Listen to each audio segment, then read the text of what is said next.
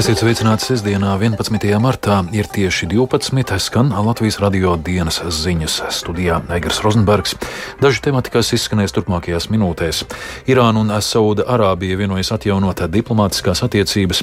ASV un Eiropas Savienība plāno pastiprināti vērsties pret tiem, kas palīdz Krievijas karam pret Ukrainu.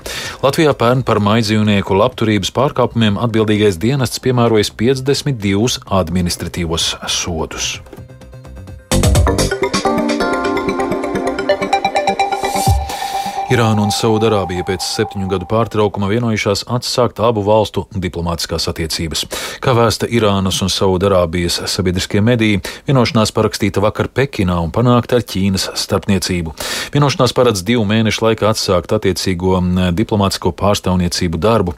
Kā norāda eksperti, Irānas un Saudarābijas vienošanās ir arī Ķīnas diplomātiskā uzvara Persijas līča reģionā, kas ilgu laiku uzskatīts par daļu no ASV ietekmes zonas. Turpina Rustams Šukurovs.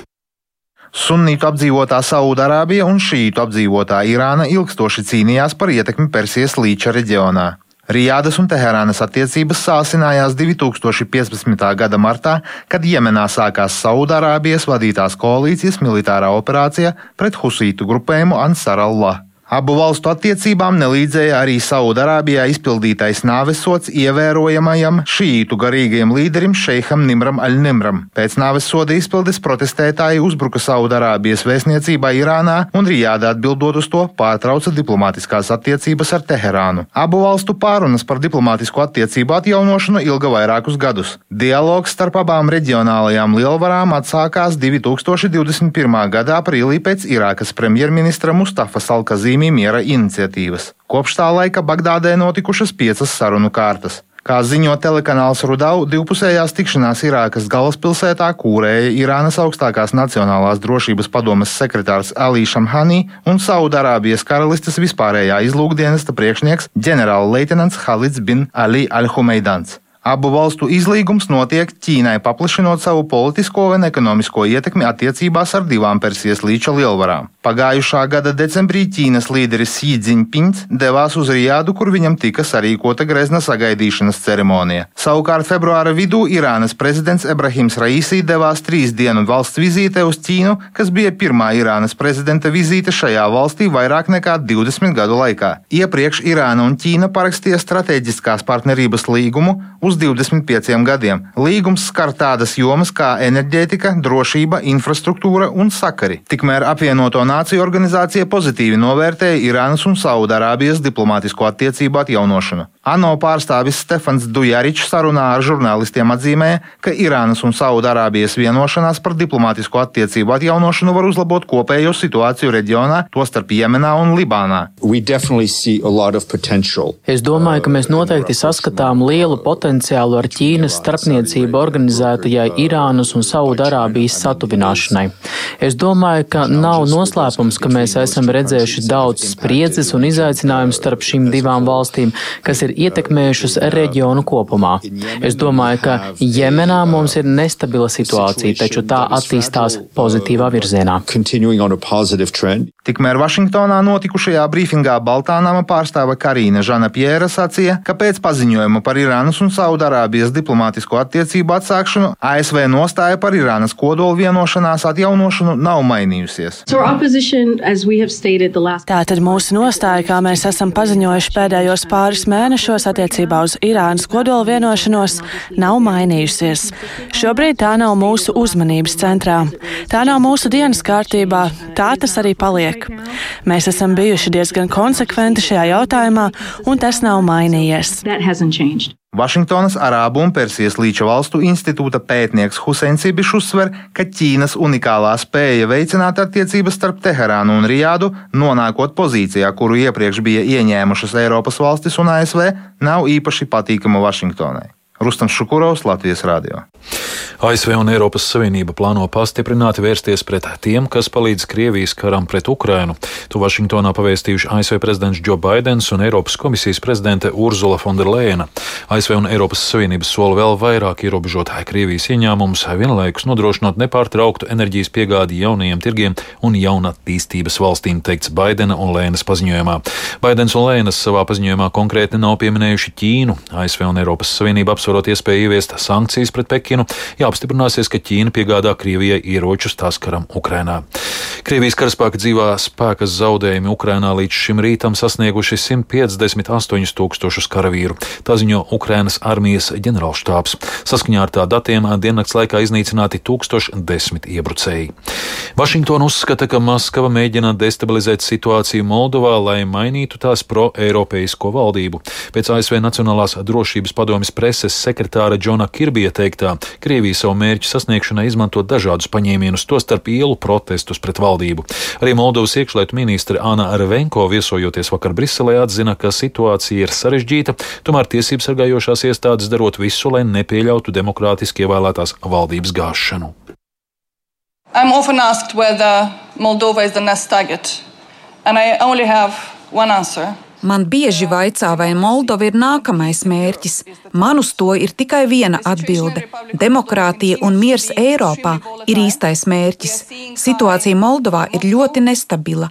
Mēs redzam, kā Maskava, kā arī interešu grupas un bēgļojošie oligarhi apvieno visus savus resursus, lai destabilizētu situāciju Moldovā līdz tādam līmenim, kas ļautu mainīt Kišiņevas demokrātisko virzienu.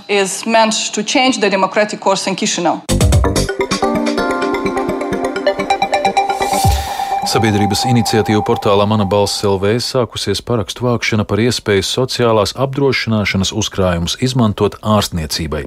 Kā iniciatīvas pārstāvis norādīts Mārtiņš Mucinieks, viņš skaidro, ka cilvēki darbspējīgā vecumā saskars ar grūtībām saņemt medicīnisko palīdzību, ieskaitot nepieciešamo medikamentu pieejamību, jo izmaksas ir ļoti augstas. Idejas autors uzskata, ka, ja cilvēks strādā un ir maksājis nodokļus un personai ir zināms sociālās apdrošināšanas uzkrājums, bet nav citu pietiekamu uzkrājumu, lai apmaksātu savu ārstniecību ārkārtas situācijās, tad šādu ārkārtas gadījumu apmaksu būtu jāļauj veikt no sociālās apdrošināšanas uzkrājuma. Tāpēc būtu nepieciešamas izmaiņas likumdošanā, lai šādu iespēju nodrošinātu. Pārtikas un veterinārais dienas cik gadus ņem nemainīgi daudz iesniegumu par maidzīvnieku labturības pārkāpumiem - pērn pusotru tūkstoti. Aptuveni trešdaļā gadījumu pārkāpumi apstiprinās. Savukārt veterināri ārsti novērojuši, ka reizēm dzīvnieku īpašnieki pēc palīdzības vēršas jau novēloti, un tas saistāms arī ar naudas trūkumu. Par visu plašāk Lindas Spundiņas ierakstā.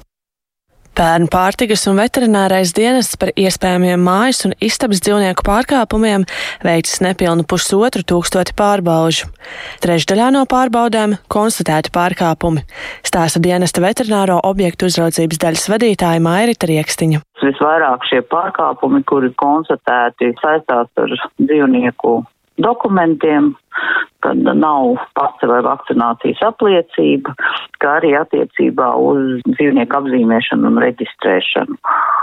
Mazāks šīs konstatētās neatbilstības ir vispārējās dzīvnieku turēšanas prasības vai dzīvnieku neklaiņo un veterinārmedicīniskās aprūpas nodrošināšana.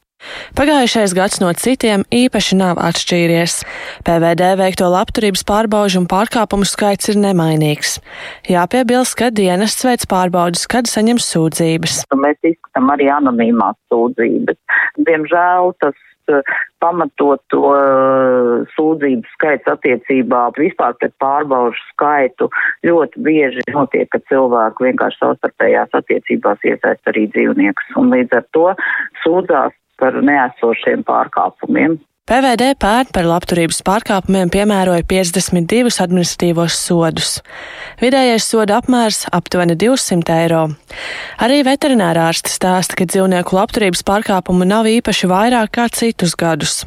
Latvijas veterinārā ārstu biedrības vadītājs Valdis Šmēliņš stāsta, ka speciālisti ar maidzīvnieku labturības pārkāpumiem saskaras vien tad, kad īpašnieks nav saulēcīgi palīdzējis dzīvniekam. Nereti novēlota rīcība saistām arī ar naudas trūkumu.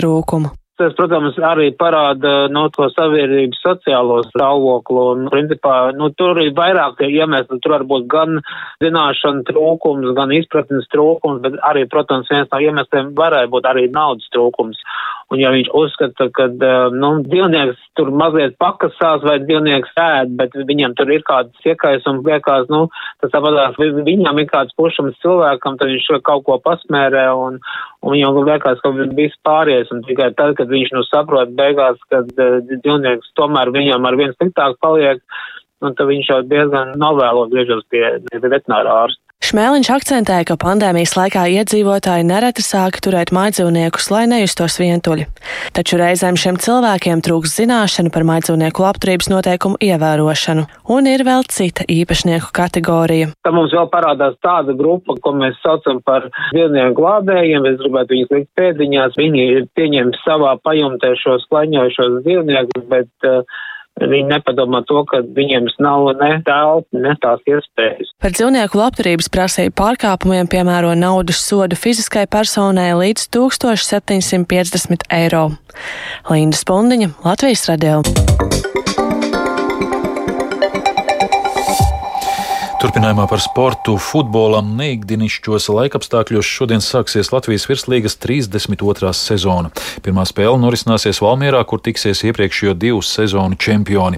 Savukārt dienas noslēdzošajā spēlē futbola virslīgā debitēs tiesneša video asistenta sistēma, kas Latvijas futbolā ir jauna inovācija. Turpina Lotārs Zariņš. Šodien ar trīs spēlēm sāksies Latvijas futbola virslīga. Pirmie mačā savā starpā tiksies iepriekšējo divu sezonu čempions Valmiera un RFS. Pagājušā sezonas zelta komanda Valmiera viesus savās mājās uzņems pulksten vienos dienā. Starpsezonā komanda pamet uzbrukuma līderis Raimons Krolis, kā arī spēlētāji Kamilo Mena, Daisuki Jokotu, vārdsargs Rihards Matrivits. Par gatavību jaunajai sezonai vairāk stāsta komandas galvenais treneris Jurģis Kalns. Mēs esam jauna komanda, mēs visu laiku attīstāmies, mēs visu laiku dodamies uz priekšu. Nezinām, lai pateiktu, cik šobrīd gatava ir komanda, laikam būtu jānosaka tas mūsu komandas potenciāls. Domāju, ka mūsu komandas potenciāls ir ļoti augsts. Kad viņi būs gatavi, tie spēlētāji, varbūt viņi jau vairs nespēlēs vēl mierā. Jā. Bet, ja mēs skatāmies uz šo brīdi, tad um, komanda ir uh, gribētos ticēt, ka gatava, bet uh, plāns mums bija sagatavot komandu uz aprīļa sākumu, principā, lai uh, pagājušajā gadā tas ļoti labi nostrādāja. Principā, upurējot iespējams pirmās divas kārtas, lai cik tas smieklīgi neizklausītos jau decembrī. Bijām saplānojuši grafiku, ka iespējams pirmās divas kārtas līdz izlašu pauzē būs tās, kuras, protams, uh, būs vissmagākās. Dienas otrajā spēlē Meta Rīgas Hanzas vidusskolas futbola laukumā pulksten trijos uzņems Liepāju, bet dienas noslēdzošajā mačā Ķekavas Auda pulksten piecos tiksies ar Salspils Supernovu vienību. Plānots, ka šajā spēlē pirmo reizi Latvijas futbola virslīgā izmantos tiesneša video asistents sistēmu VAR. Jāatzīmē gan, ka spēļu noris var ietekmēt laikapstākļi. Un vēl šodien gaidāma pirmizrāde Liepājas leļu teātra izrādē Mūrijāņu kurmītis un viņa draugi. Izrāde pēc valda rumnieka stāstu motīviem veidojas režisors Girts Šolis, kurš uzsver, ka viņam šķiet īpaši svarīgi maziem skatītājiem rādīt pašmāju autoru darbus. Stāsta varoņi tapuši no sadzīves priekšmetiem, kas atrasti vecstāvs čūnītī darbnīcā. Izskan Latvijas radio dienas ziņas producents Viktors Pupiks, ierakstus montēja Uldis Grīnbergs par labskaņu rūpējās Kārlis Rašmanis, studijā Egars Rozenbergs vēlreiz īsumā par svarīgāko. Irāna un Saudarābija vienojas atjaunot diplomātiskās attiecības. ASV un Eiropas Savienība plāno pastiprināt vērsties pret tiem, kas palīdz Krievijas karam pret Ukrainu. Latvijā pērn par maidzīvnieku labturības pārkāpumiem atbildīgais dienests piemērojas 52 administratīvos sodus. Un vēl par laikapstākļiem. Galvaspilsētā šobrīd ir mīnus 2 grādi, pūš lēns ziemeļaustrumu vējš, atmosfēras spiediens 745 mm, relatīvais gaisa mitrums 92%. Sinoptiķi prognozē, ka šodien Latvijā gaidāms mākoņains laiks, sniegs valsts centrālajos un austrumu rajonos brīžiem stiprs, valsts austrumos uz vadiem un koku zariem veidosies stiprs slāpja sniega nogulums, dienvidu austrumos gaidāms ļoti stiprs sasalstošs lietus atkala. Dažviet veidosies Гла. Lēns austrumu, ziemeļa austrumu, pēcpusdienā jau mērens ziemeļa rietumu, rietumu vējš jūras piekrastē brāzmās līdz 17 metriem sekundē. Gaisa temperatūra 0,5 jūras piekrastē un galējos dienvidu austrumos līdz plus 1 grādam. Rīgā šodien arī būs mākoņdienas laiks, stiprs sniegs uz vadiem un koku zariem veidosies stiprs slapja sniega nogulums. Būs slidenas ietves un brauktuves, pūtīs mērens austrumu, ziemeļa austrumu, pēcpusdienā jau ziemeļu uz ziemeļa rietumu vējš, gaisa temperatūra - mīnus 2, mīnus 3 grādi.